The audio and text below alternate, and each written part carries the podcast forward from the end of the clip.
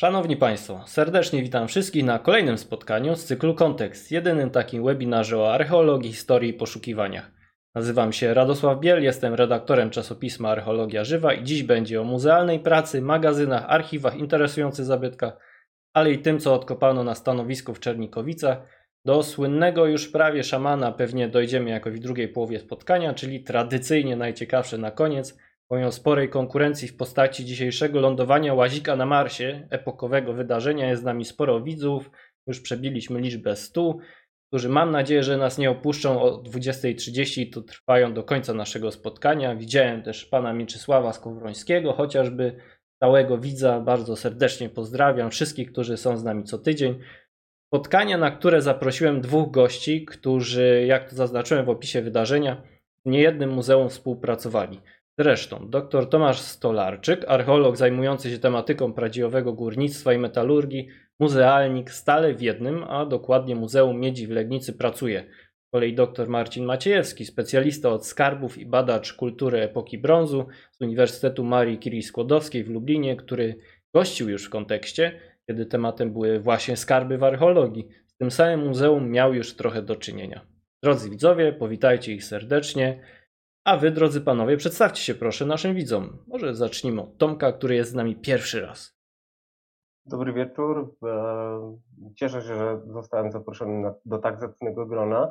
Możemy sobie dziś porozmawiać o tym, e, co jest solą pracy muzealnika, czyli muzealiach, e, tym, co faktycznie kryją magazyny wielu muzeów, bo oczywiście za fasadami wystaw kryją się te rozległe, niekiedy przestrzenie ukryte bądź pod, bądź e, na, na płaszczyznach nieco równoległych do, do tych, które odwiedzający nasze placówki mają możliwość zobaczyć. No i nie zawsze e, te kuluary są e, znane szerszemu gronu. Nie wszyscy, tak jak Marcin czy Ty Radku, mogli te magazyny oglądać. Oczywiście pandemia stworzyła takie możliwości, żebyśmy nieco więcej o tych muzeach sobie opowiadali, o tym, co robią muzealnicy, e, o tym, jak wygląda ich praca, ale też od wielu lat staramy się e, w Muzeum Miedzi, e, oczywiście we współpracy z, z wieloma instytucjami, te zbiory prezentować w sposób naukowy, w sposób popularny. Wspomniałeś o szamanie, to jest ta kwestia, która zelektryzowała media przez jakiś e, e, stosunkowo krótki czas, bo życie szamana oczywiście w tym przypadku te medialne było stosunkowo krótkie, natomiast no to jest jeden z takich elementów, który w związku z realizowanymi przez nas projektami udało się gdzieś przemycić w skalę ogólnopolską, więc tutaj pewnie ten temat poruszymy, ale to jest mnóstwo pracy e, takiej u podstaw, która wiąże się z tym, żeby te materiały, które przez dziesiątki lat bardzo często w tych magazynach e, się znajdowały, e, upublicznić i przede wszystkim włączyć w obiekt naukowy, ale też przybliżyć e, tym wszystkim, którzy interesują się przyszłością regionu, archeologią, a to grono jest bardzo duże i jak wiemy, E, internet nowe możliwości daje, daje, daje sporą szansę, żeby o tym w sposób ciekawy, interesujący opowiedzieć i to od jakiegoś czasu z, z większymi, mniejszymi sukcesami staramy się w muzeum robić, współpracując, e, tak jak powiedziałem, zarówno z placówkami naukowymi, ale też z trzecim sektorem, który aktywnie włącza się E, wprowadzone przez nas prace, czy poszukiwawcze, czy prace badawcze. E, no, pewnie ten temat będziemy dzisiaj e, rozwijali. Będziemy, tylko starczy czasu. Marcinie, pomnij obiecał. Radek chyba powiedział o mnie wszystko, co jest istotne, więc nie będę tego powtarzał, ale też co istotne, Radek w opisie naszego spotkania odwołał się do kultowej serii o Indianie Jonesie. I ja tutaj też się odwołam do tego, badacza, w cudzysłowie, w cudzysłowie który tak naprawdę nigdy żadnych notatek nie robił. A ja będę właśnie mówił trochę o takich właśnie o notatkach, które robili archeolodzy w XIX-XX wieku, ponieważ w związku ze z moimi zainteresowaniami, czyli badaniem skarbów, wiele archiwów y, naukowych w różnych muzeach zwiedziłem, wiele kurzu się nawdychałem, więc y, tak naprawdę y, trochę się z Państwem podzielę, jakie to jest fascynujące. Ten sam dr Henry Jones Jr. powiedział mm, w takiej scenie na początku bodajże trzeciego epizodu, że skarb nigdy nie jest zaznaczony na mapie krzyżykiem. My pokażemy, że czasami są. Czasami są, dokładnie. Tak samo jak pokazywaliśmy na, na spotkaniu o skarbach, ale to każdy będzie sobie mógł nadrobić. Jedno pytanie, Marcinie, w związku z uczelnią, na której aktualnie działaś. Słyszałeś niedawno wiadomość na temat koreańskiego musicalu o życiu Marii Curie Skłodowskiej, który podobno wszystkie możliwe nagrody zgarnia na wszystkich festiwalach?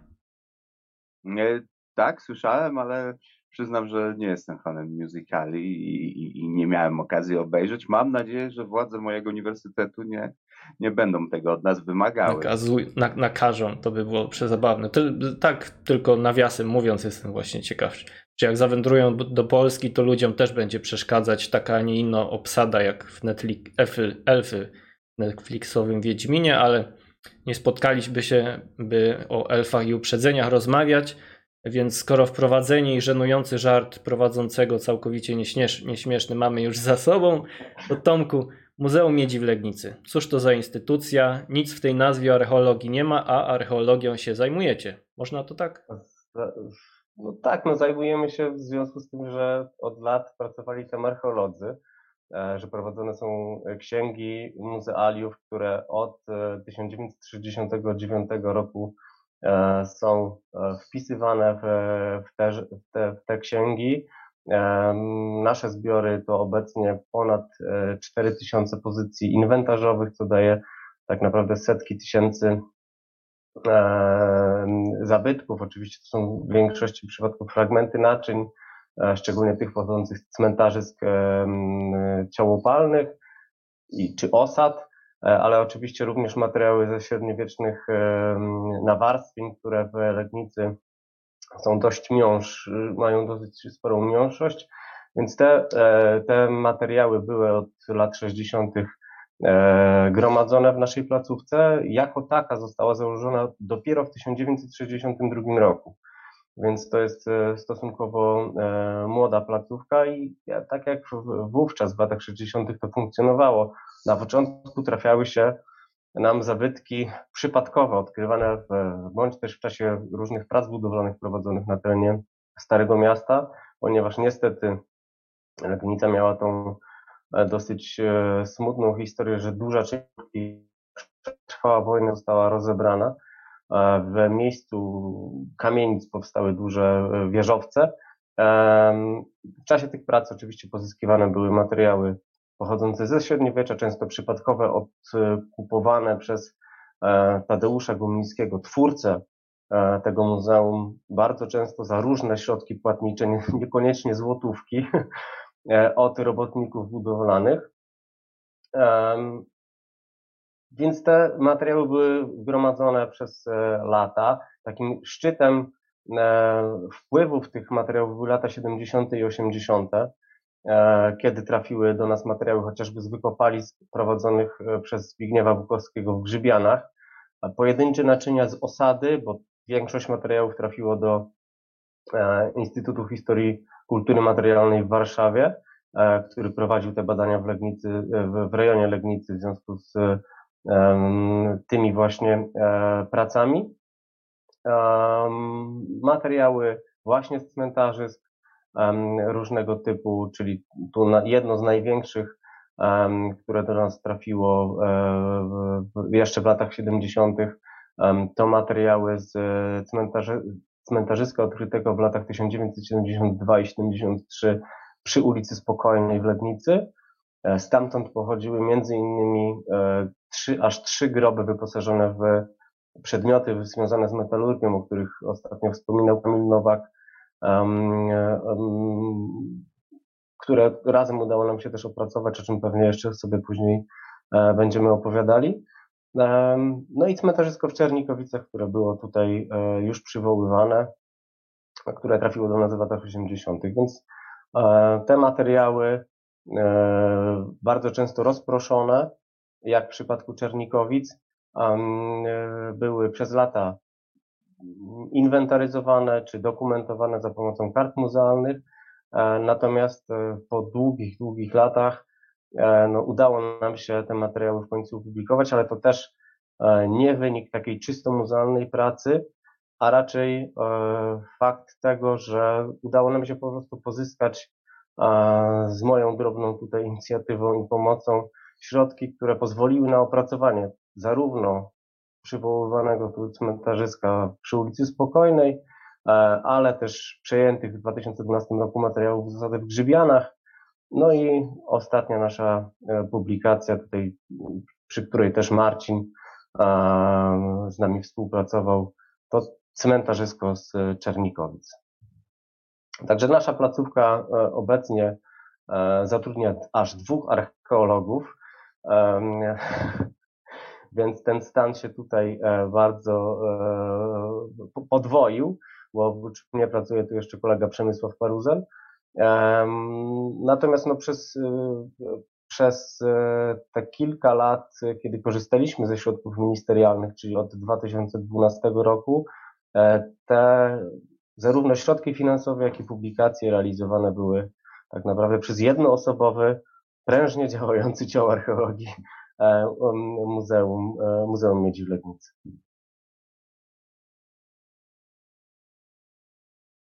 Nieważne ile osób, e, ważne, żeby prężnie działały. Halo, halo Radku, ja Ciebie nie słyszę. A, sorry, sprawdzałem na drugim komputerze, czy nas ogólnie dobrze słychać. Mówiłem, że nieważne ile osób, ważne, żeby prężnie działały.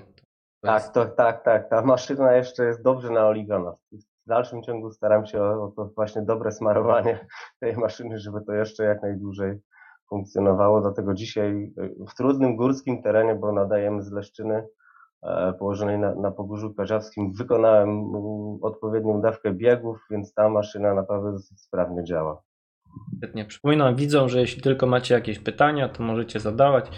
Ja już e, pierwsze komentarze, że najczęściej w magazynach muzealnych można znaleźć pajęczyny, a zaraz po tym y, sugestie, że w magazynach Tesaurus krakowiensis pajęczyny nie uświadczysz.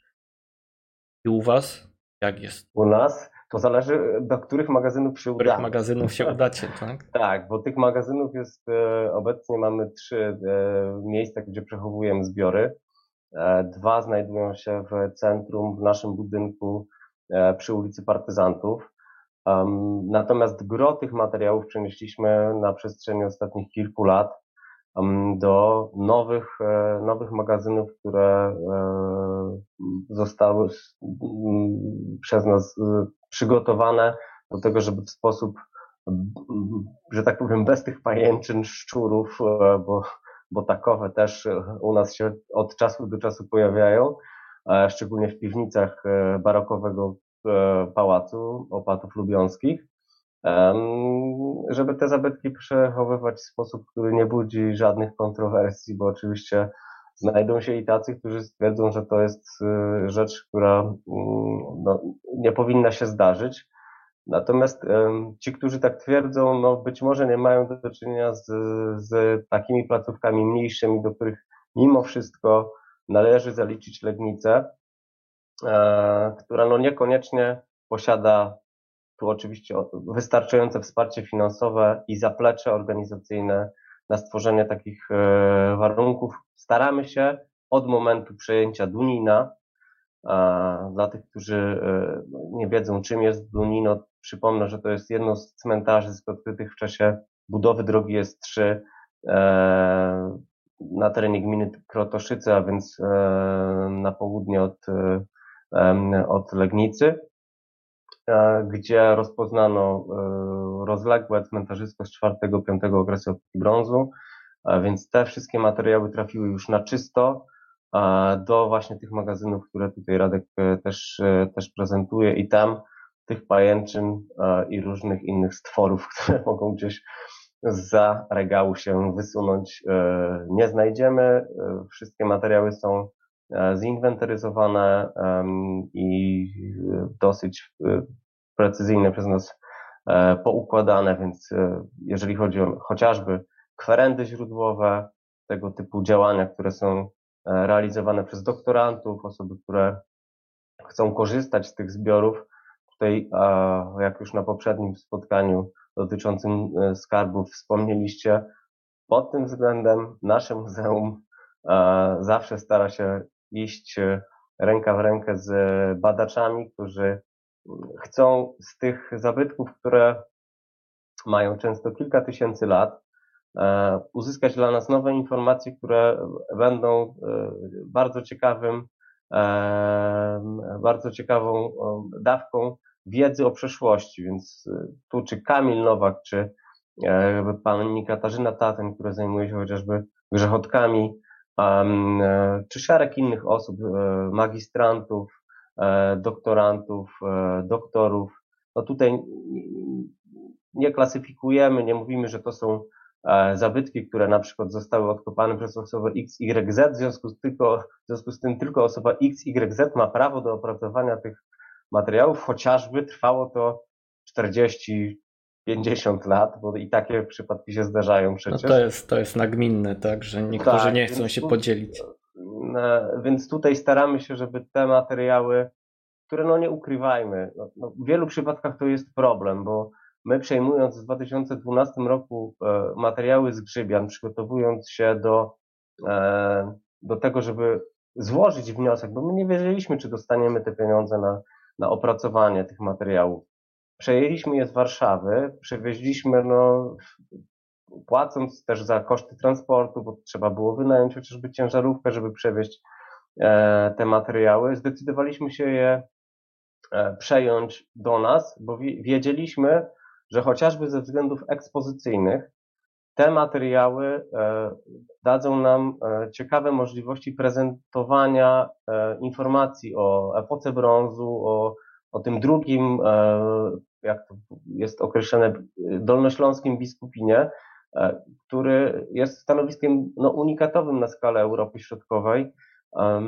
I, I dzięki dofinansowaniu ze strony ministerstwa udało nam się w ciągu dwóch lat wspólnie z Akademią, Akademią Górniczo-Hutniczą w Krakowie oraz Instytutem Archeologii Uniwersytetu Wrocławskiego te, te, to ogromne stanowisko, które tak naprawdę od 1970 roku było w toku opracowań, bo Instytut e, Warszawski przekazał nam ogromną dokumentację już w formie skanów, e, więc to jest naprawdę pod tym względem e, bardzo duże ułatwienie było w momencie, kiedy opracowywaliśmy te materiały.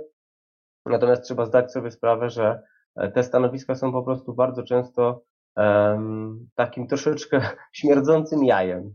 No nie, nie ukrywajmy, że to tak czasami Nazwane bywa. wprost. Są, tak, no, no, no mówmy sobie jak jest, e, ponieważ e, to są e, ogromne ilości materiałów masowych, które być może były kiedyś przeglądane i weryfikowane, natomiast my musieliśmy to bardzo, e, mówiąc wprost, zrobić kompletnie od nowa, bardzo często myjąc zabytki, które w przypadku tych, które znajdowały się e, czy właśnie w magazynach Polskiej Akademii Nauk, czy w naszych, były często od 1978, 9 czy 80 nieumyte jeszcze.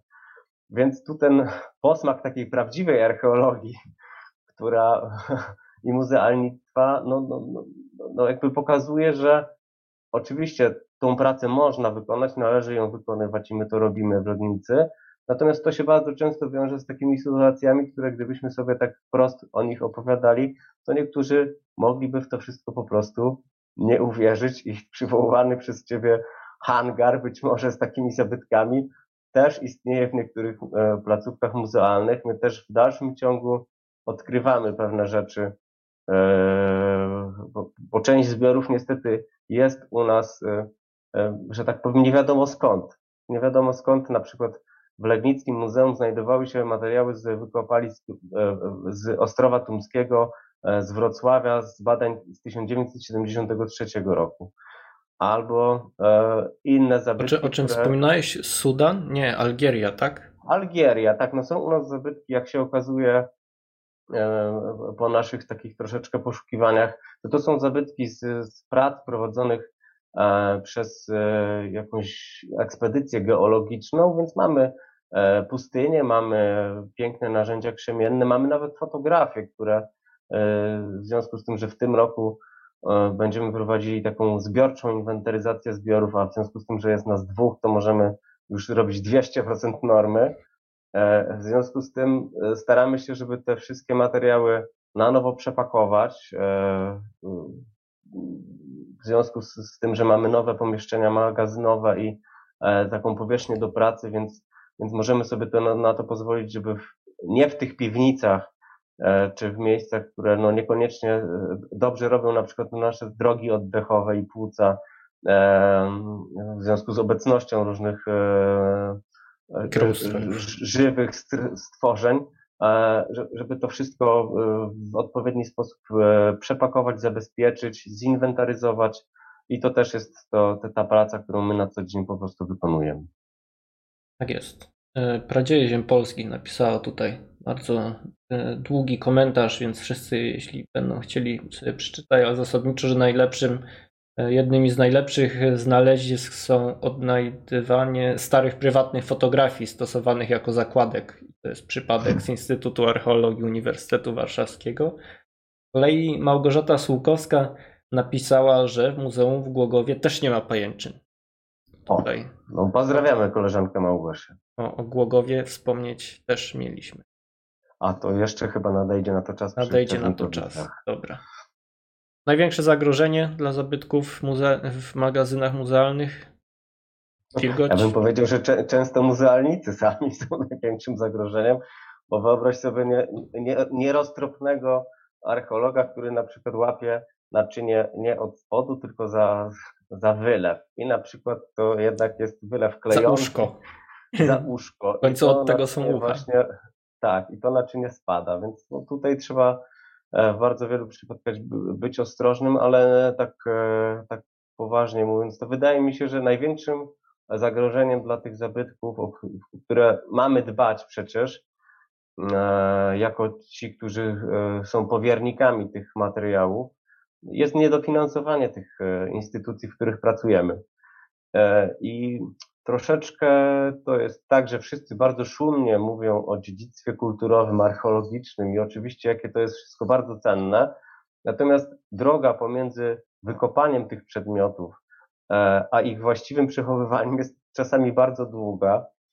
E, I teraz takim problemem, który wydaje mi się, że będzie nabrzmiewał w polskiej archeologii i muzealnictwie jest to, że od wielu, wielu lat te materiały, które są wykopywane, nie są przekazywane do naszych placówek.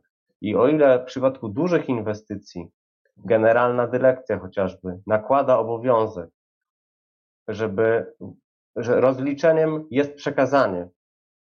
I to jest jakby też e, e, kładzenie takiego obowiązku na tych wszystkich, którzy te materiały e, wykopują. Natomiast w bardzo wielu przypadkach um, przez dziesiątki lat, ja już prac, będę pracował 13 lat w muzeum i takimi większymi przekazami materiałów zabytkowych były te właśnie z S3.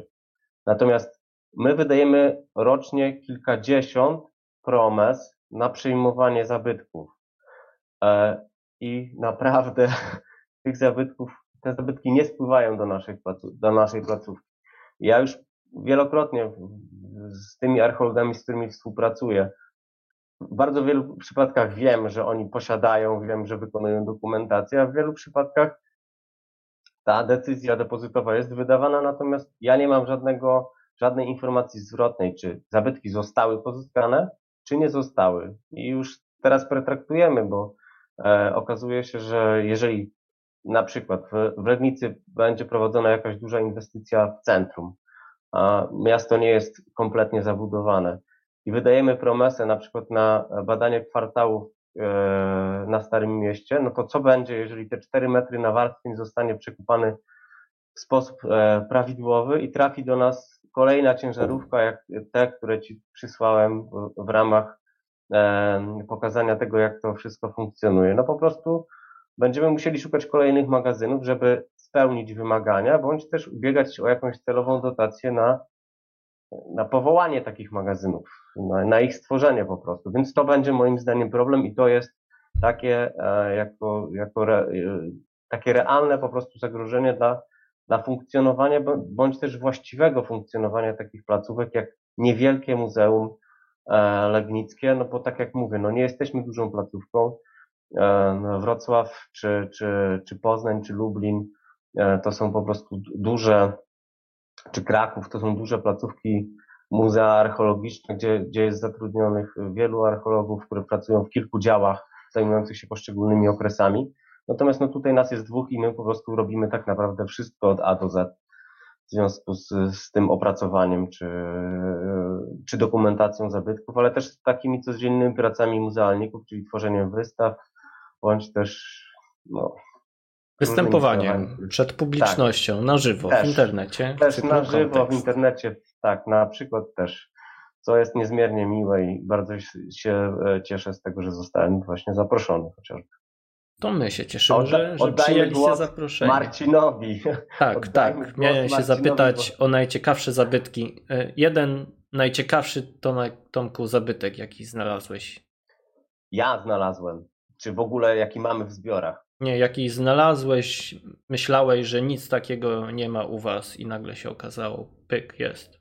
E, no, os, ostatni, ostatnimi czasy bardzo mnie zaskoczyła, zaskoczyło znalezisko opisane bardzo lakonicznie, e, o którym Ci być może już wspominałem, bo początkowo na karcie muzealnej ten zabytek e, jest opisany jako fajka. Natomiast jest to przedstawienie brodatego mężczyzny stroju z początku XVII wieku, E, z gołym tyłkiem i e, przyrodzeniem nieco urwanym, ale okazuje się, że to nie jest fajka, tylko e, najprawdopodobniej ceramiczna akwamanila, być może właśnie z tego okresu.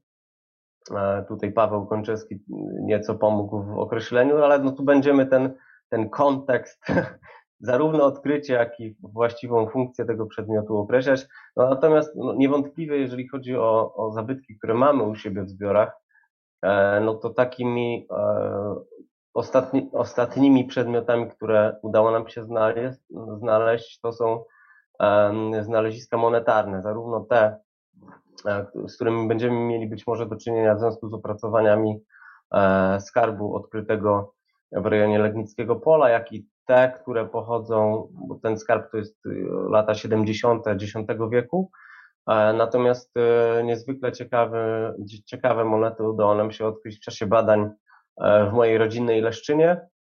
I to są monety węgierskie, bizantyjskie, e, które wystąpiły na obiektach związanych z górnictwem złot, z górnictwem miedzi, przepraszam, więc no tutaj mamy powiedzmy jakieś datowanie, XII-XIII wiek dla tych monet, więc to też bardzo ciekawe, jak tutaj może, można będzie przesunąć e, w przypadku tych e, znalezisk chociażby początki eksploatacji margla miedzionośnego na terenie Dolnego Śląska, a co za tym idzie eksploatacji też tego surowca na Dolnym Śląsku.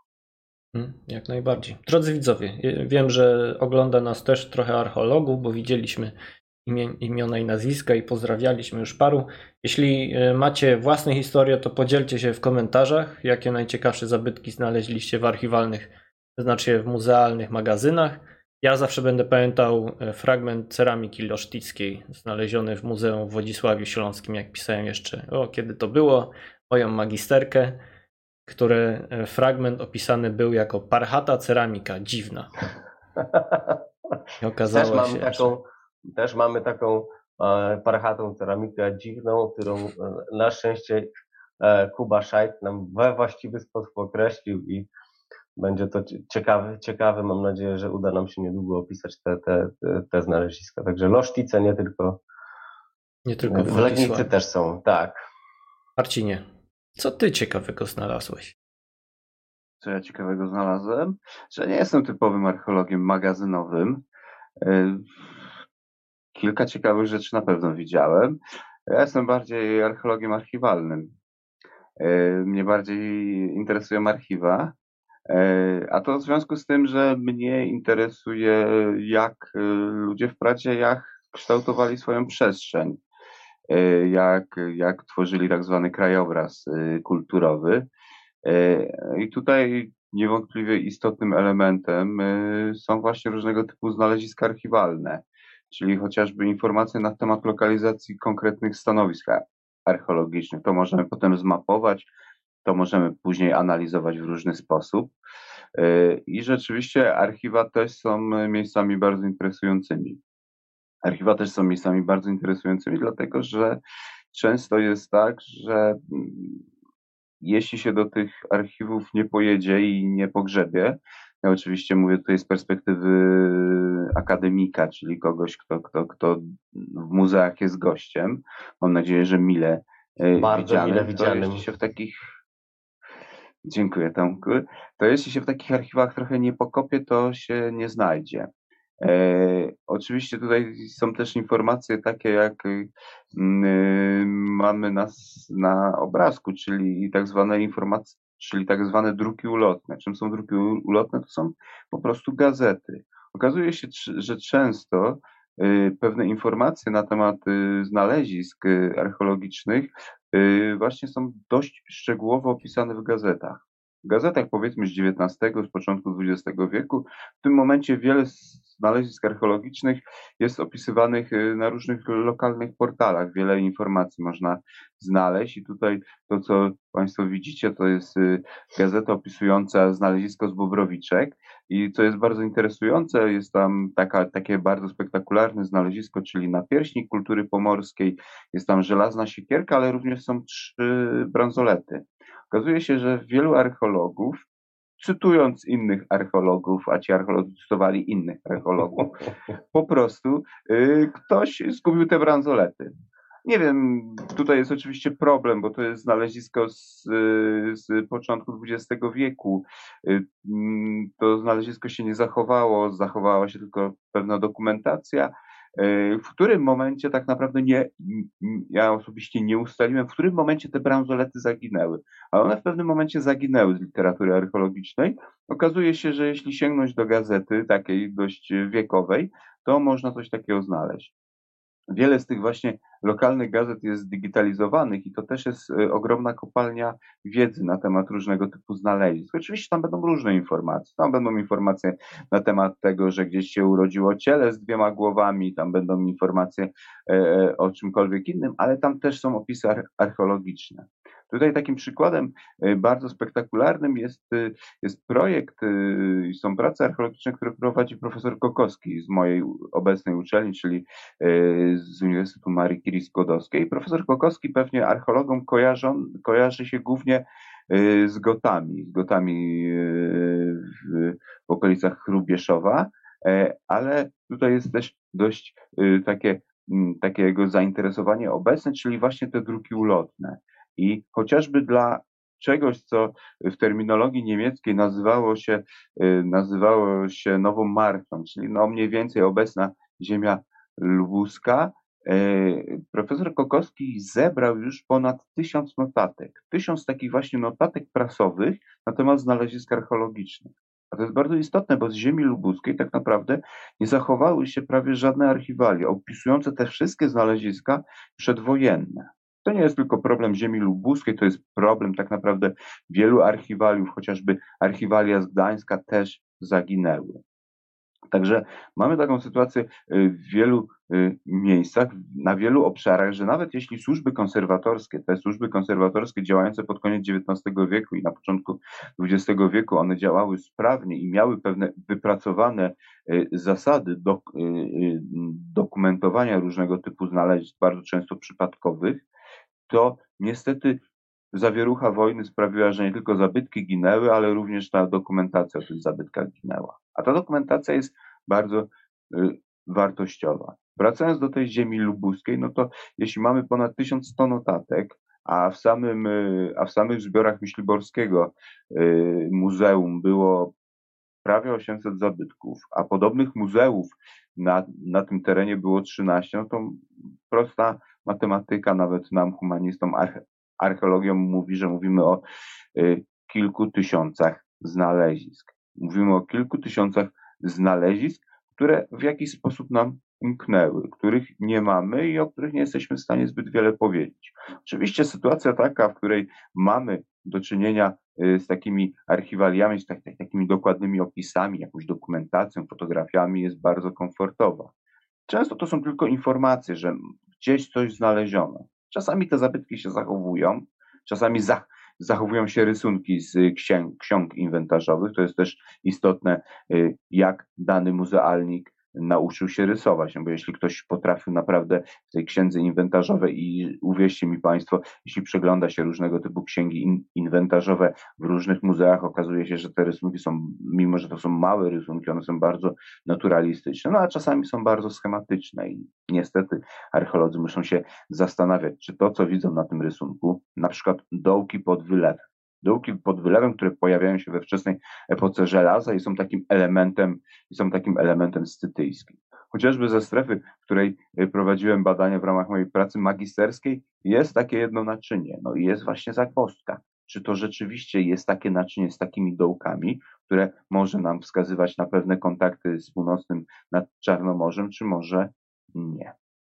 Ale wracając do tego, o czym o czym chyba y, na samym początku mówiłem, czyli o tych X-ach, no to często oczywiście w archiwach są różnego typu, y, jest różnego typu dokumentacja y, pokazująca lokalizację tych, sta, tych stanowisk. Ta dokumentacja jest bardzo różna, akurat jeśli chodzi o Dolny Śląsk, to jest bardzo komfortowa sytuacja, no bo co tutaj dużo mówić, są całe arkusze map, Mestischblattów, czyli niemieckich map sztabowych, gdzie stanowiska archeologiczne są nanoszone ale w innych regionach jest różnie. Nie znaczy, że się nie da tego wykorzystać, no ale czasami są różnego typu takie odręczne szkice, oparte na tych mestiszblatach, bo jak to się zestawia z tymi mestiszblatami, to, to można coś tak to można zobaczyć, że rzeczywiście układ y, dróg czy różnych innych elementów przedstawionych na tych mestisz blatach odpowiada temu, co mamy na tym szkicu. No chociaż no jeśli ktoś nie miał wprawnej ręki, ja chociażby też takiej nie mam wprawnej ręki do szkiców, no to, no to czasami jest trochę trudniej. No czasami to są fragmenty mapa, czasami to są po prostu bardzo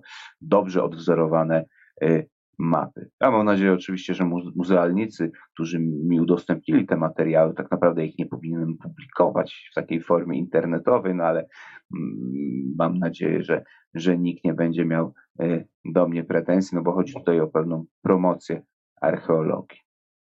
E, I muzealnictwa i muzealnictwa, i, i, i, tych, tych archiwów, które rzeczywiście są bardzo prężne, które zbier, zbierają dużą y, liczbę y, takich zapisków. Czasami, proszę mi uwierzyć, to są jakieś takie notatki napisane dość niewyraźnym charakterem pisma. I tutaj często jest tak, że na przykład y, są już ci muzealnicy, archiwiści, pracujący w tych archiwach, którzy, którzy przekładają te, te, te, te odręczne notatki e, na to, co ktoś może przeczytać. Jeśli ktoś nie ma wprawy e, w czytaniu takich odręcznego pisma z początku XX wieku czy z końca XIX wieku, albo czytania tak te, tych, tych charakterystycznych niemieckich czcionek, ja tutaj mu, mówię głównie o, o Polsce Zachodniej, bo tutaj z tymi archiwami mam najwięcej, yy, mam najwięcej doświadczeń, no to rzeczywiście nie jest łatwo. To rzeczywiście nie jest łatwo, ale informacje, które można wyciągnąć, yy, są naprawdę bardzo ciekawe. I tak wracając trochę do skarbów i do tego, czym ja się głównie zajmuję, yy, to gdy podejmowałem pracę związaną z moją pracą doktorską, stwierdzono, no skarb, w przypadku skarbów nie ma lokalizacji, więc, więc jakiekolwiek analizy y, tego, jak one funkcjonowały w przestrzeni, tej przestrzeni fizycznej, no, nie, nie mają sensu. No, okazuje się, że te kwerendy, które przeprowadziłem, yy, czy szczegółowe, czy nie, no to pewnie ocenią ci, którzy za 30 lat znowu przeprowadzą takie kwerendy i powiedzą, że jednak nie były szczegółowe i że jeszcze można było wyciągnąć więcej informacji, ale te kwerendy wskazują, że 20% tych znalezisk da się dokładnie zlokalizować a to już jest pewna baza, która pozwala nam, nam y, interpretować pewne aspekty funkcjonowania tych niezwykłych znalezisk w krajobrazie kulturowym. Mapki jakieś tutaj y, z Twoich analiz jeszcze są właśnie widoczne. Ale tematki to są e, związane z? Czernikowicami, to może jak dojdziemy do Czernikowic. To chyba to- już to- jest też dobry moment, żebyśmy do tych Czernikowic przeszli. Tomku, No to trzy słowa wstępu o Czernikowicach. E, Czernikowice, powiat legnicki. Trzy słowa. No świetnie. Świetnie. E, nie, Czernikowice to takie cmentarzysko, które zostawiliśmy sobie być może na wisienkę, jeżeli chodzi o te opracowania, które e, udało nam się w Muzeum Miedzi przeprowadzić. Oczywiście tym, którzy są zapaleńcami, jeżeli chodzi o epokę brązu, wszystkim znana była z literatury brzytwa typ Czernikowice, złożona w grupie numer 69. Natomiast no, no, ogólnie rzecz biorąc, e, materiały, które gdzieś w połowie lat 80. do nas e, zaczęły trafiać, były bardzo zdekompletowane, ponieważ znaczna ich część pozostawała przez długie lata w magazynach w Lubiążu. I tak naprawdę my mieliśmy jakieś 60% całości. Wiedzieliśmy, że e, na cmentarzysku w latach 1968, 69, 71, 72 odkopano 203 pochówki, wyposażone standardowo raczej, jeżeli chodzi o e, te materiały, no nie za wiele tych, tych brązów, ta, ta brzytwa była takim ewenementem, nie było żadnych, żadnych e, elementów związanych z metalurgią, więc e, postanowiliśmy, że i to cmentarzysko uda, podejmiemy tą próbę, e, żeby, żeby spróbować e, to w ramach projektów ministerialnych realizowanych w ramach priorytetu ochrona zabytków archeologicznych przeprowadzić. Udało nam się to i w latach 2019-2020 wspólnie z zespołem badaczy zarówno z, z Instytutu Archeologii Uniwersytetu Wrocławskiego, Marcin już tu wówczas e, e, wykonał przerzut na drugą stronę, ale też e, z panią Łucejko z, e, z Pizy, z antropologami, osobami, które, tak jak Kamil, zajmują się czy przedmiotami metalowymi, czy metalurgią. Postanowiliśmy opracować ten e, dosyć spory zbiór. Wykonaliśmy to, te prace związane z tym, żeby połączyć to wszystko, bo okazało się, że Lubiąż został wyczyszczony z Czernikowic i Czernikowice już są w Głogowie. E, Więc tu koledzy, koleżanki właśnie z em, e, Muzeum Archeologiczno-Historycznego w Głogowie pozdrawiamy cały Głogów, Lednica, Leszczyna e, pozdrawia i dziękuję za, za to udostępnienie e, tych materiałów, bo to tak jak ostatnio rozmawiałem z, z koleżankami e, z pracującymi tam, okazuje się, że to było jedno z niewielu przejęć depozytu, który został do Głogowa oddany z Lubiąża i do tego został opracowany e, w formie monografii. Więc pozbieraliśmy to wszystko em, razem. Okazało się dodatkowo, że przedwojenne badania prowadzone na tym stanowisku w latach 1916-1917 przez radcę prawnego Timoteusa Weltera. W dalszym ciągu są do dyspozycji we Wrocławiu, więc i tam e, pokroczyliśmy do, do e, Krzysztofa Demidziuka, do e, Radka Jarysza, z, sfotografowaliśmy te przedmioty, które tam w, na magazynach w Partynicach się znajdują i w formie takiej monografii e, obejmującej zarówno te znaleziska przedwojenne, jak i te, które e, znalazły się e, w naszych zbiorach. Udało nam się opublikować, więc no, tu jest, książka jest dostępna w, w wolnym dostępie na Akademia Edu. Tak Każdy, kto chce, może, może się z nią zapoznać, ściągnąć sobie PDF przygotowany przez, e, przez nas. E, jest do tego książka też taka popularno-naukowa, która pokazuje, e, jakie rzeczy udało nam się w ciągu tych kilku lat w ramach projektów ministerialnych zrobić. Ona jest skierowana przede wszystkim do, do tych, którzy się tą archeologią interesują. E, Nie aż tak bardzo szczegółowo, pokazuje im najciekawsze zabytki z dotychczas e, przygotowanych projektów. No i jest też z tyłu szaman oczywiście. Jest i szaman. Tutaj będę. Jest szaman. Zapomniałem sobie ściągnąć ten film e, super, który A tak, jest zrobiliście. jeszcze film na YouTubie, który został I przygotowany teraz właśnie. próbuję e, go włączyć w momencie, gdy będziecie mówić. Jeśli coś nagle zacznie e, widzom grać, to nie przejmujcie się, zaraz to wyłączę. Możesz kontynuować. No tak, tak, tak, tylko... Pokrótce w, trzech, w tych trzech słowach wydaje mi się, że to jest klucz tego wszystkiego. A więc no tutaj dwa lata pracy, które poświęciliśmy na, na ten projekt.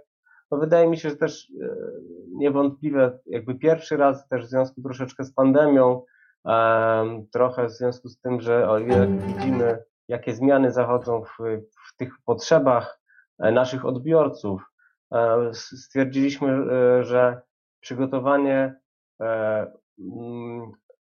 spotkania na żywo w formie takich, takich wykładów, e, no niekoniecznie musi dotrzeć do tak szerokiego grona odbiorców. Zdecydowaliśmy się, że te stosunkowo niewielkie pieniądze, które mieliśmy do dyspozycji na promocję zadania, przeznaczymy na przygotowanie tego filmu. Tutaj oczywiście e, pomoc wielu ludzi, tu Kamil udostępnił nam swoje przedmioty związane z metalurgią, odlewnictwem, które na, na, na filmie były prezentowane. Alvin Sokół nieco wcześniej w ramach e, działań związanych z S3 przygotował dla nas kopię. Koledzy właśnie z Biskupina e, przygotowali też dla nas, specjalnie dla nas podjęli próbę rekonstrukcji odlewu i sfilmowania go, żebyśmy mogli przynajmniej częściowo wykorzystać to, to wszystko e, w filmie. Uwaga, bo ktoś tu nadchodzi. Ninja się zbliża. Ninja, Ninja film, film już leci w tle zasadniczo. O, mamy Ola, gościa specjalnego. Się, przywitaj się. Prawda? Nie o tym, osób nas ogląda. Nie o tym gościu specjalnym wspominałem na wydarzeniu, ale jest i, i, i tak miło. Gość, gość bardzo szybko e, zwiał. E, e, tak czy inaczej, no, stwierdziliśmy, że mm, warto przygotować film, który będzie dostępny dla tych wszystkich, którzy będą chcieli chociażby w ramach lekcji w szkole e, te 15 minut e, czy 18 minut dokładnie sobie poświęcić na to, żeby zobaczyć, co się wiąże z epoką brązu, jak pracują archeolodzy, bo to wszystko e, zostało tak ukierunkowane, żeby w stosunkowo, wydaje mi się, przystępny sposób, no powiedzmy, sprzedać troszeczkę nasze E, naszą pracę, ale jakby pro publico żebyśmy e, też e, wykonywali tą pracę związaną z zmianą podejścia do archeologów, do archeologii, do tego, żebyśmy wychodzili z, naszymi inicjatywami do ludzi i mówili, no przecież to, chodzi o to, że no każdy z nas, czy wielu z nas ma do czynienia z tą archeologią czasami na przekór, E, w związku z jakimiś pozwoleniami na budowy i różnymi sprawami. No a tak naprawdę no to, co chociażby mamy w tych magazynach, e, o co niektórzy walczą bardzo długo, żeby publikować przez te lata i tak dalej, to to są rzeczy, które e, tak naprawdę są naszym wspólnym dziedzictwem i tym, o co powinniśmy wspólnie dbać jako element, który E, no będzie nam w dalszym ciągu towarzyszył, no bo chyba nikt nie, nie stwierdzi, że mielimy tą całą ceramikę i robimy z, nią, z niej podsyp na, na, na drogi. Budujemy drogi, autostrady. Drogi, albo gruzujemy to wszystko gdzieś, te kamsztory i tak dalej.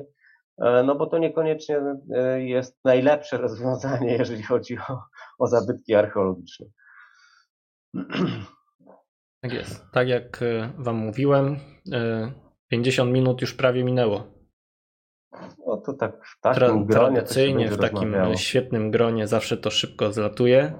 A o szamanie nawet nie wspomnieliśmy. Nie, nie, nie wspomnieliśmy też o tych y, analizach, które Marcin mi tutaj podesłał. To jest chyba, jeśli dobrze rozumiem, taki też trochę wstęp do teorii o szamanie, czy nie bardzo? Może być. Zawsze możemy pójść tą drogą, żeby poczuć woń ze stosu pogrzebowego, który był e, związany z pogrzebem tego szamana, bądź szamanki, bądź w ogóle no, popuścimy wodze fantazji naszej archeologicznej, bo jak być może wszyscy wiedzą, ta fantazja jest dosyć spora. Oj, ogromna. Znaczy Tomek sobie zawsze ze mnie tak dworuje. Nigdy w e, życiu. dworuje sobie, dworuje, bo jednak to, co ja badam, czyli ten krajobraz kulturowy, to musimy sobie zdać sprawę, że to jest coś trwałego i coś ulotnego. Z jednej strony mamy takie elementy, które po prostu są od zawsze dla tych ludzi, ale też trochę dla nas. powiedzmy to będzie Pradolina, y, która, było, która jest tak naprawdę takim wyraźnym elementem. To będzie jakiś głaz, y, którego być może pochodzenia nie znamy. Oczywiście teraz możemy poczytać książki, poszukać w internecie informacji, ale ten głaz będzie jakimś czymś stałym, czymś stabilnym. Ale krajobraz to też jest coś takiego bardzo ulotnego, coś, co my nie do końca będziemy w stanie z, rozpoznać, ale to właśnie będzie ten dym z ogniska, to właśnie będzie szczekanie psów, to będzie y, zapach y, jabłek, y, kiedy one zaczynają spadać z drzew i tak dalej, i tak dalej. Jeśli ktoś się wybierze na spacer taką, taką, taką druż, drużynką gdzieś na wsi, to nagle zrozumie, że, ta, że to miejsce pachnie inaczej niż miasto. E, ja się w Także... ostatnim czasie przeniosłem na wieś i to jest prawda, że wieś pachnie zupełnie inaczej niż z miasto. Z pewnością inaczej niż Wrocław, to idę zakład. Absolutnie. No ale oczywiście my tutaj mówimy o nauce, o science przez, przez duże S, przynajmniej mamy taką nadzieję, no i tutaj są oczywiście te studia osadnicze, tutaj jest coś, co jest tak naprawdę dla nas uchwytne, czyli te punkty na mapach, które my jesteśmy w stanie zlokalizować, te informacje, które my jesteśmy w stanie tak naprawdę wyciągnąć, chociażby relacje z różnymi elementami środowiska naturalnego. Oczywiście to środowisko to jest dość istotne, że ono jest, było modyfikowane. No nie, no nie oszukujmy się, no, no, wpływ człowieka w ostatnich wiekach jest bardzo ogromny, aczkolwiek pewne elementy tego środowiska pozwalają nam współczesnego pozwalają nam trochę spojrzeć, jak to środowisko mogło wyglądać. Jeśli mamy jakieś, jakieś pola wydmowe porośnięte yy, takim tylko borem yy, sosnowym, no to wiadomo, że tam te społeczności nie mogły uprawiać roślin, które wymagały bardzo dobrych gleb i tak dalej, i tak dalej. No ale tutaj akurat z Czernikowicami jest y, historia taka bardzo interesująca, trochę pokazująca y, na zawodność pewnych źródeł archeologicznych, ponieważ ja jestem jako badacz y, późnej epoki brązu, wczesnej epoki żelaza, czyli łużyc, jestem przyzwyczajony, że one leżą na każdym polu praktycznie. Stanowisk związanych z tym okresem jest naprawdę bardzo, bardzo dużo.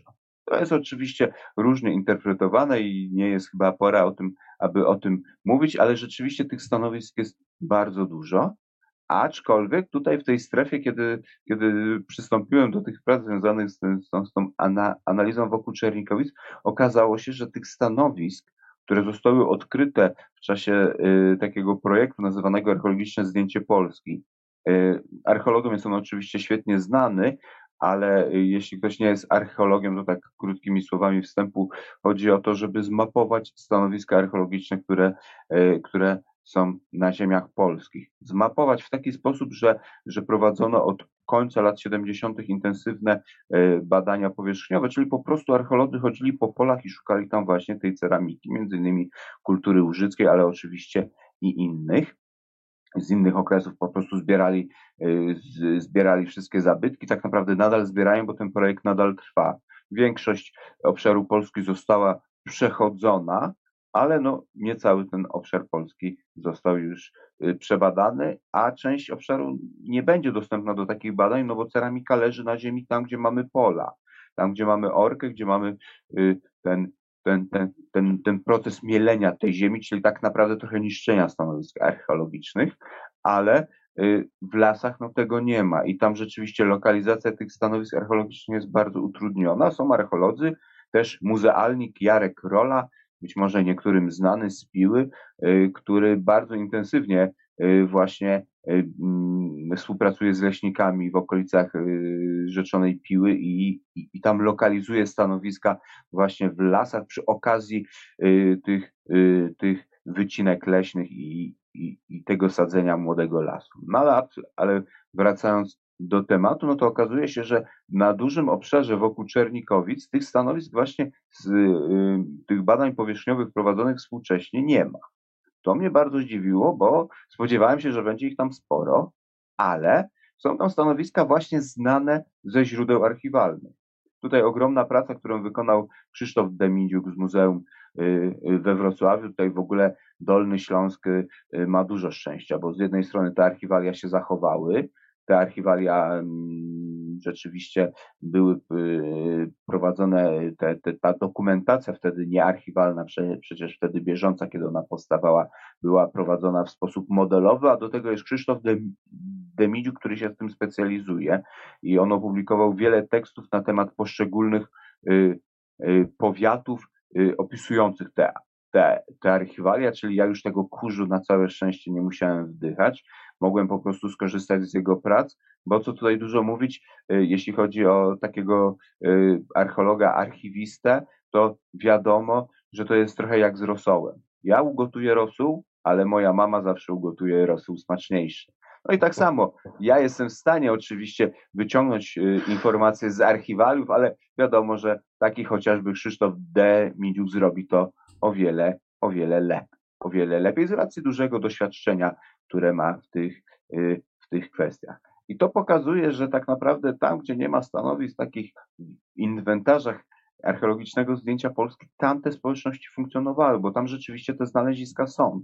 To pokazuje nam pewną niewiedzę. To jest oczywiście zagadka, na którą ja sobie akurat nie byłem w stanie odpowiedzieć. Dlaczego akurat tam tych stanowisk związanych, tych, tych stanowisk pochodzących z AZP nie ma. Ale to jest też taka istotna nauka, że coś, co mam nadzieję dla większości archeologów jest, y, jest, y, jest jak najbardziej oczywiste, ale być może dla osób, które nie są archeologami, nie zawsze, że to, że na y, mapach AZP nie ma stanowisk, to nie znaczy, że potencjalnie ich tam po prostu nie ma. Tak jest. No i tak jest, to opracowanie, które, które te, te dane archiwalne, ale też te dane AZP, które zostały w jakiś, y, które zostały pozyskane, no pozwoliły nam chociażby przeprowadzić różnego typu analizy. Analizy statystyczne, ale też analizy chociażby widoczności.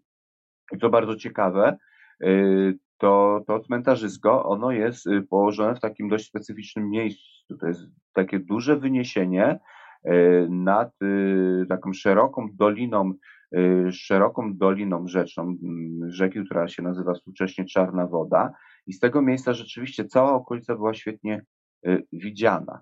Y, to jest oczywiście dość istotny element, ponieważ to nam pokazuje, że to miejsce miało pewną, pewne duże znaczenie, było zawsze widoczne, że to, że ci ludzie wybrali to akurat miejsce, wskazuje, że ta widoczność tego miejsca z różnych miejsc w okolicy, ale też to, co było widać z tego miejsca, to musiało wpłynąć na to, że powiedzieli sobie tak, tutaj będziemy naszych przodków składać. To i z pewnością to, że były to wówczas tereny nadzalewowe.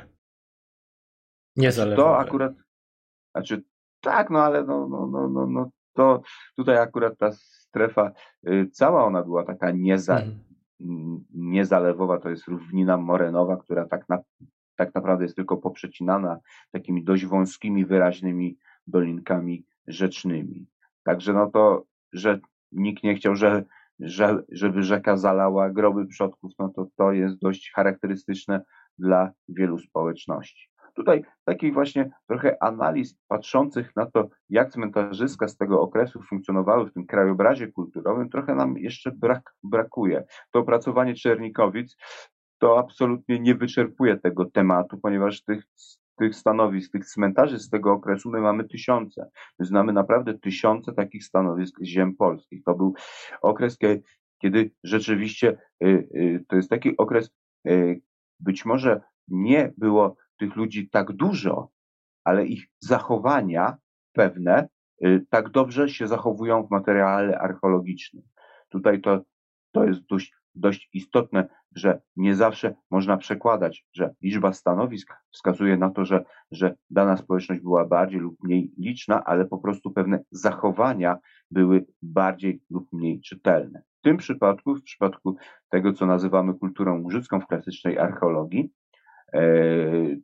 to te zachowania pozostawiały naprawdę bardzo dużo śladów i, i tutaj rzeczywiście jest duże pole do popisu, aby spróbować ująć to w takim właśnie ujęciu, e, w takim właśnie w takim spojrzeniu e, z perspektywy krajobrazu, ponieważ no, mamy wiele opracowań samych stanowisk, zabytków, typologię, różnego typu zabytków, szczególnie jeśli, jeśli chodzi o ceramikę. Mamy mamy pracę y, woźnego, y, umknęło mi imię. To takie bardzo niekulturalne, ale umknęło mi imię pana profesora Woźnego, który analizuje w takim ujęciu fenomenologicznym, ale takim bardzo bliskim tych cmentarzysk, a trochę brakuje taki, takiego ujęcia bardziej krajobrazowego, czyli w takim większym, większej, większym oddaleniu. Profesor Jacek. I Jacek właśnie, no właśnie. No. Czy, mam. mam nadzieję, że nas nie ogląda, bo mógłby się obrazić, że jego imię zapomniałem. No, cytuję go niejednokrotnie, pewnie, więc, więc wiadomo, wybaczy. że w nauce to jest najważniejsze. Najciekawszy grup. Szaman. To jest ten moment.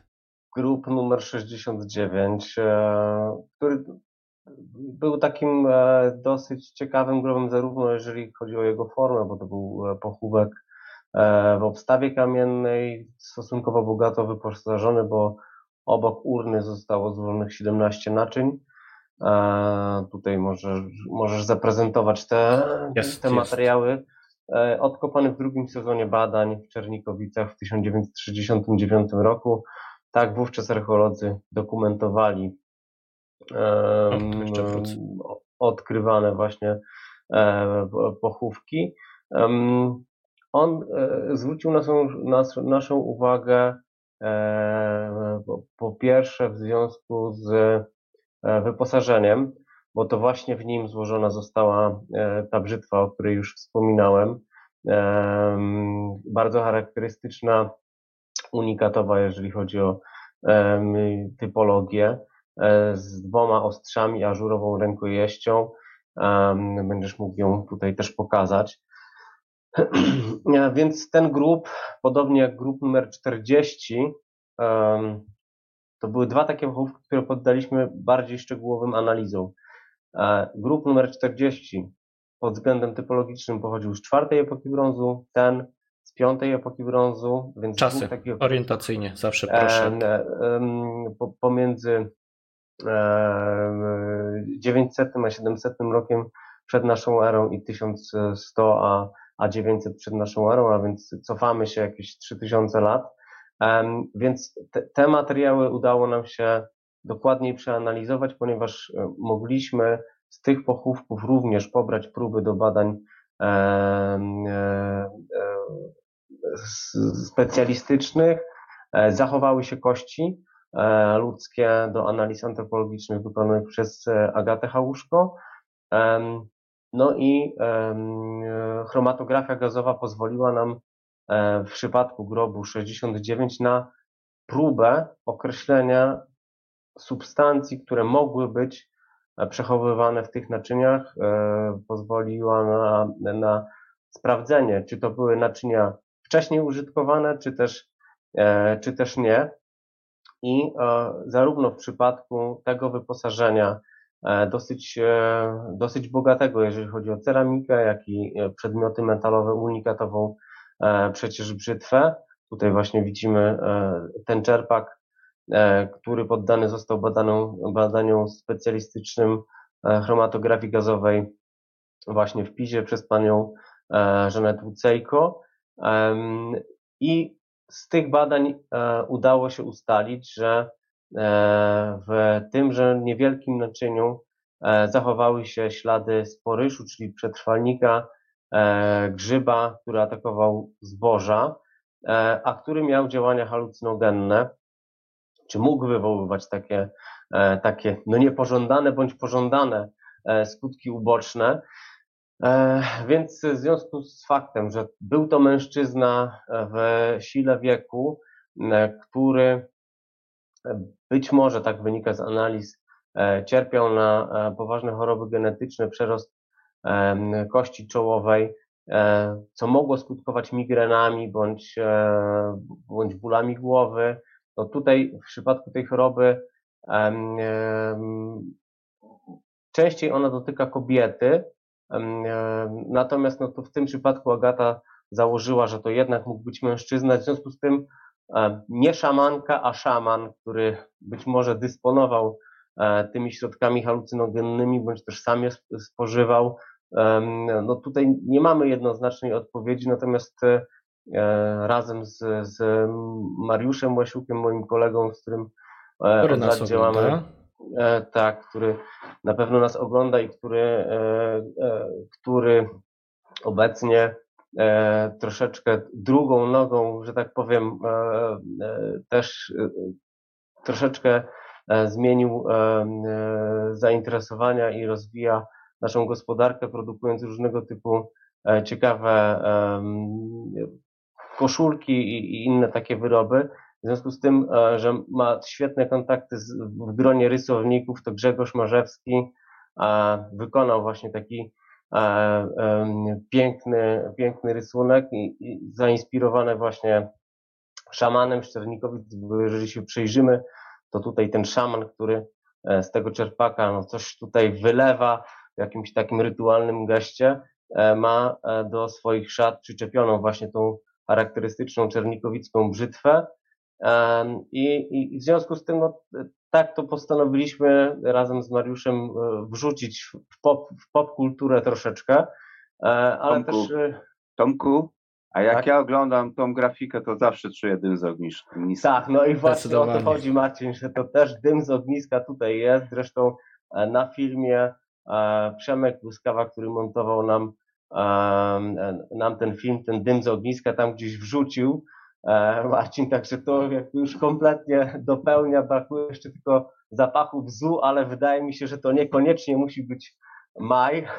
Natomiast, e, natomiast no, e, tak postanowiliśmy zaprezentować te wyniki badań, no i tutaj po tym, jak podchwycił ten temat najpierw Andrzej Andrzejewski z Polskiego Radia Wrocław, przygotowując taki krótki reportaż, no później rozdzwoniły się telefony, że mamy tu najstarszego szamana Polsce. No ja mówię, że no, być może szamanka, być może szaman. E, e, musieliśmy trochę e, przejąć tą, tą nawałę tak, różnych, różnych mediów, które chciały się z nami skontaktować.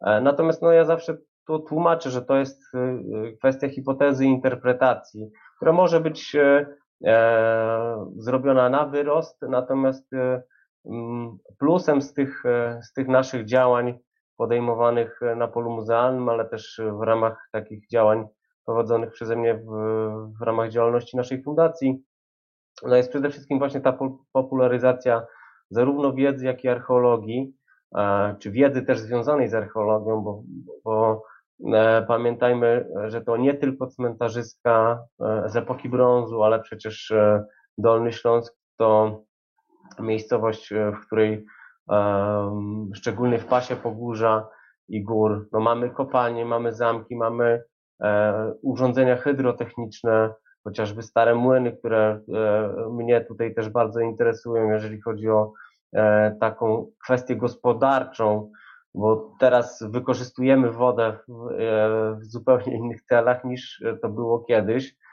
I te stare młynówki, które gdzieś w krajobrazie kulturowym funkcjonują, chociażby na mojej trasie biegowej, e, to, to jest coś, co, e, co bardzo uważnie trzeba odczytać i prześledzić stare mapy, archiwalia, od których nie tylko te, które już opracował Krzysztof Demidziuk, ale też e, e, które są dostępne gdzie indziej.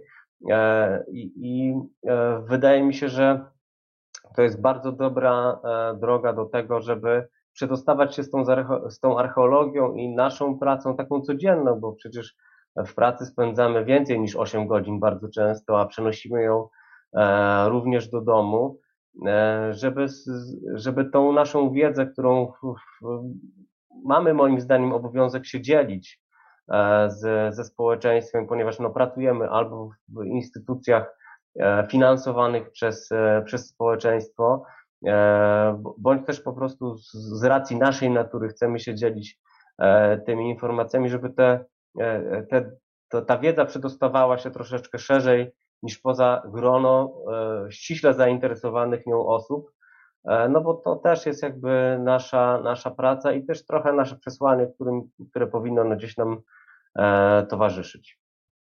Jak najbardziej. Nie ma co popularyzować archeologii wśród, wśród osób, które już jest popularna. No dokładnie, tak, tak, tak. No tutaj e, sami sobie byśmy strzelali, że tak powiem, e, gola i, i, i no, no klepanie wszystko... się po plecach też tak, ma swoje tak, przyjemności.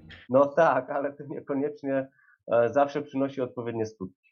Kolega Mariusz, e, który został wywołany, jak najbardziej e, ma pozwolenie od nas, żeby wrzucić w komentarzach link bezpośrednio do swoich super koszulek. Oh yeah. Nie Tam ma sprawy. Takie, więc zawsze, Dodatkowo, zawsze jeśli naszym widzom, tak samo jak nam i panu Ryszardowi Matyi się podoba obrazek, który właśnie widzicie, zostawcie e, pod naszym spotkaniem lubię to, a jeśli nas oglądacie na YouTubie, to jak zwykle zachęcam do zasubskrybowania kanału Archeologii Żywej. Ostatnio, no powiem Wam, pochwalę się, że 170 osób zasubskrybowało. Tak, tak narzekałem, tak narzekałem i zachęcałem, że jednak pełno osób się kusiło i normalnie w tydzień 100% naszych subskrybentów wzrosło, więc nic tylko się cieszyć i mieć nadzieję, że, że będzie ta liczba rosła będzie cały rosło. czas. Panowie, to zasadniczo y, zbliżamy się do końca. Jest już 21.10, tradycyjnie lekko przeciągnęliśmy. Już zasadniczo cały czas na wydarzeniu wpisuję, że będzie trwało godzina 15, a w głowie i tak mam, że gdzieś tam koło godziny zawsze staramy się do, do końca zbliżać. Czas na pożegnania. Marcin już był, więc wie jak to wygląda. Marcin, chwila dla ciebie. Cóż ja mogę powiedzieć? Teraz pozdrowię wszystkich entuzjastów archeologii, którzy nie są archeologami. My naprawdę staramy się e, dzielić naszą wiedzą, choć czasami nam to nie wychodzi, czas, czasami nasz język jest hermetyczny, czasami e, nasze e, interpretacje mogą wydawać się przesadzone, ale musicie nas kochać takimi, jakimi jesteście. O, piękne słowa. Nie wiem, jak to można przebić, Tomku. Pozdrów rodziny, znajomych i tak dalej. No, część osób widziała tutaj już moją latorośl, która gdzieś tu przemknęła, co prawda nie w stylu ninja, ale jednak e, pojawiła się. No, oczywiście pozdrawiam swoją e, ukochaną małżonkę, którą niestety, e, której niestety tu dzisiaj ze mną nie ma, ale e, e, oczywiście pozdrawiam też e, tutaj ca, całe Muzeum Miedzi i tych wszystkich, którzy nas oglądają. Bardzo się cieszę, że mogłem e, wziąć udział w, w takim wydarzeniu, że być może kilka jeszcze osób do, do grona tych entuzjastów archeologii się e, dołączy. No, zapraszam e, też do nas, do śledzenia naszych e, e kanałów społecznościowych, do tego, żebyście e, zaglądali do muzeum, które już jest otwarte. Jest zrekonstruowany grup numer 40 na naszej wystawie którą w dalszym ciągu można oglądać. Są też prace e, pań z grupy artystycznej Ale Plama e, z Spółdzielczego Domu Kopernik, ponieważ okładka naszej publikacji, nie wiem czy to wszyscy wiedzą, a to być może będzie taka wysienka, która e, bardzo miło e, zakończy nasze spotkanie. E, okładka e, obu naszych publikacji to praca właśnie jednej z pań, która, która w związku z, z zajęciami, które e, przygotowaliśmy e, i rysunkami, które wówczas zainspirowane archeologią powstały, e, ta, ta, taką pracę dla nas przygotowała. Także pozdrawiamy wszystkie panie z grupy artystycznej Ale Plama również. No i dziękuję po prostu za, za możliwość tego, żebyśmy chociaż kawałeczek tej naszej pracy muzealnej, archeologicznej mogli przedstawić E, szerszemu gronu odbiorców. Zapomnieliśmy wspomnieć o niesamowitym ośrodku w Głogowie. A ja już mówiłem, podkreślałem tutaj zasługi e, Głogowa, ale Bardzo, dziękuję Radku, że, że jeszcze raz to podkreślę. E, te opracowanie, które mogliśmy przeprowadzić, to też zasługa kolegów i koleżanek z Głogowa, którzy udostępnili nam materiały z Czernikowic które zostały przekazane właśnie z, z Głogowa do naszego depozytu. Także pozdrawiamy wszystkich archeologów, głogowskich, skupionych zarówno w muzeum, jak i ośrodku archeologiczno-numizmatycznym w Głogowie. Tak jest. Teraz jeszcze chwilka. Ja, Pani Małgorzato, tak, odcinek jak każdy będzie można oglądać w całości na YouTubie. Więc zachęcamy do tego, jeśli dołączyliście do nas później albo musieliście odejść, ale jeśli musieliście odejść, to oczywiście tego nie słyszycie, wiadomo. Panie Mieczysławie, jak zwykle, oczywiście zabrakło nam czasu. Na parę pytań nie udało się nam odpowiedzieć, ale widziałem też, że sami widzowie odpowiadali sobie w komentarzach, więc też e, nie, nie, nie włączałem ich w naszą dyskusję, no bo też ta, tego czasu nie mamy aż tyle zawsze. E, co ode mnie, jak zwykle zachęcam, zawsze nie w tą stronę pokazuję, jak zwykle zachęcam do kupowania archeologii żywej, prenumerowania. To, że e, jest takie spotkania odbywają się, no to właśnie zasługa tego, że pracuję w archeologii żywej i te prenumeraty są zawsze na wagę złota, na wagę skarbu, jak to zawsze lubię powtarzać i każdy kolejny prenumerator to po prostu zapewnienie dla nas, że jest po co naszą gazetę produkować, tworzyć, to jest ładniejsze, produkować Ładniejsze, tak fabrycznie. To, to tyle na dzisiaj. E, jeszcze zapomniałem, e, mam już przygotowany. Za tydzień w czwartek spotykamy się również. Będę ja, będę mój kolega e, współprowadzący Andrzej Daczkowski i będzie również Tomasz Grzywaczewski, autor książki Wymazana granica śladami II Rzeczpospolitej.